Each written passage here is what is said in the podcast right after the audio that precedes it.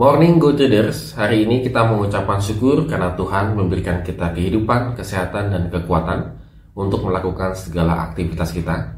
Dan kita akan kembali melanjutkan renungan kita di Mazmur pasal 21. Dalam dunia ini ada beberapa sistem pemerintahan yang kita kenal, yang tenar-tenar lah gitu ya.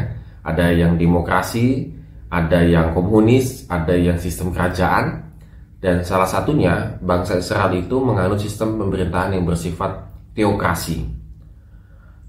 Sekalipun ada raja di dalam kehidupan e, bangsa Israel yang memerintah mereka, tetapi raja itu harus tunduk kepada Tuhan dan rakyat pun mau tidak mau harus tunduk kepada Tuhan.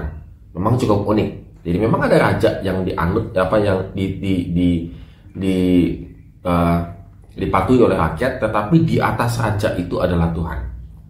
Dalam pemerintahan teokrasi, raja tahu bahwa kemenangan yang diperoleh dalam peperangan itu adalah anugerah Tuhan. Kalau kita lihat kemarin di Mazmur 20 juga sama ya. Allah memberkati raja dengan kehadirannya dan memakautai, memakautai dia dengan sukacita. Allah juga tidak membiarkan dia turun takhta di ayat yang ketujuh. Jadi barang siapa yang tidak tunduk pada pemerintahan raja yang durapi Allah, akan dianggap sebagai musuh Allah sendiri ayat 9 sampai dengan 13. Kuncinya adalah raja itu harus uh, diurapi oleh Tuhan. Jadi, kalau raja itu tidak diurapi oleh Tuhan, maka sebenarnya Tuhan tidak akan memberikan kemenangan-kemenangan dalam pemerintahannya. Itulah Daud kalau kita lihat ya di Mazmur ini. Berkali-kali ia menghadapi orang Filistin. Daud bertanya kepada Tuhan, apakah ia harus maju? Apakah Tuhan akan memberikan kemenangan? 1 Samuel pasal 23 dan pasal 30 dan 2 Samuel pasal yang kelima. Bagaimana Daud itu bergumul, dia bertanya-bertanya kepada Tuhan.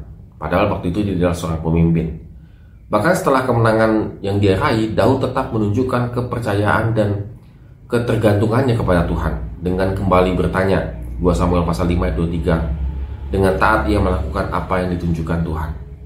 Jadi kita bisa melihat di sini maka raja pun harus raja dan rakyat ya harus memuji dan bersuka cita karena sebenarnya Tuhanlah yang menjadi raja mereka di ayat yang ke-14. Maka boleh dikatakan di ayat yang ke-8 menjadi headline-nya adalah sebab raja percaya kepada Tuhan. Jadi betul raja itu sebagai pemimpin dan juga mengarahkan rakyat dan seterusnya, tetapi raja juga harus sadar bahwa ada Tuhan yang memimpin kehidupan dia. Jadi good leaders pada hari ini kita bisa melihat bahwa kadang-kadang kita lupa diri gitu ya. Kalau kita sudah menjadi pemimpin, maka segala keputusan, segala otoritas itu di tangan kita. Tetapi beda dengan Daud yang teokrasi.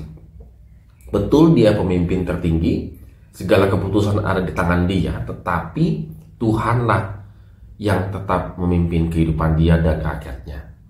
Oleh karena itu, Good pada hari ini kembali lagi kita uh, merenungkan firman Tuhan.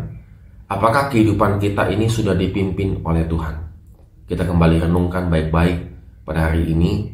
Apakah kehidupan saya ini sudah di, sudah dipimpin oleh Tuhan? Bagaimana kita cara mengeceknya? Sederhana sekali.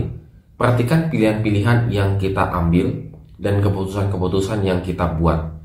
Apakah sesuai dengan kehendak Tuhan atau tidak? Oleh karena itu, Good Readers pada hari ini, mari kita kembali merenungkan bahwa walaupun kita pada saat ini sebagai pemimpin, setidaknya memimpin diri kita sendiri, tetapi ternyata kita juga harus tunduk dan taat kepada Tuhan. Amin. Have a nice day and God bless us.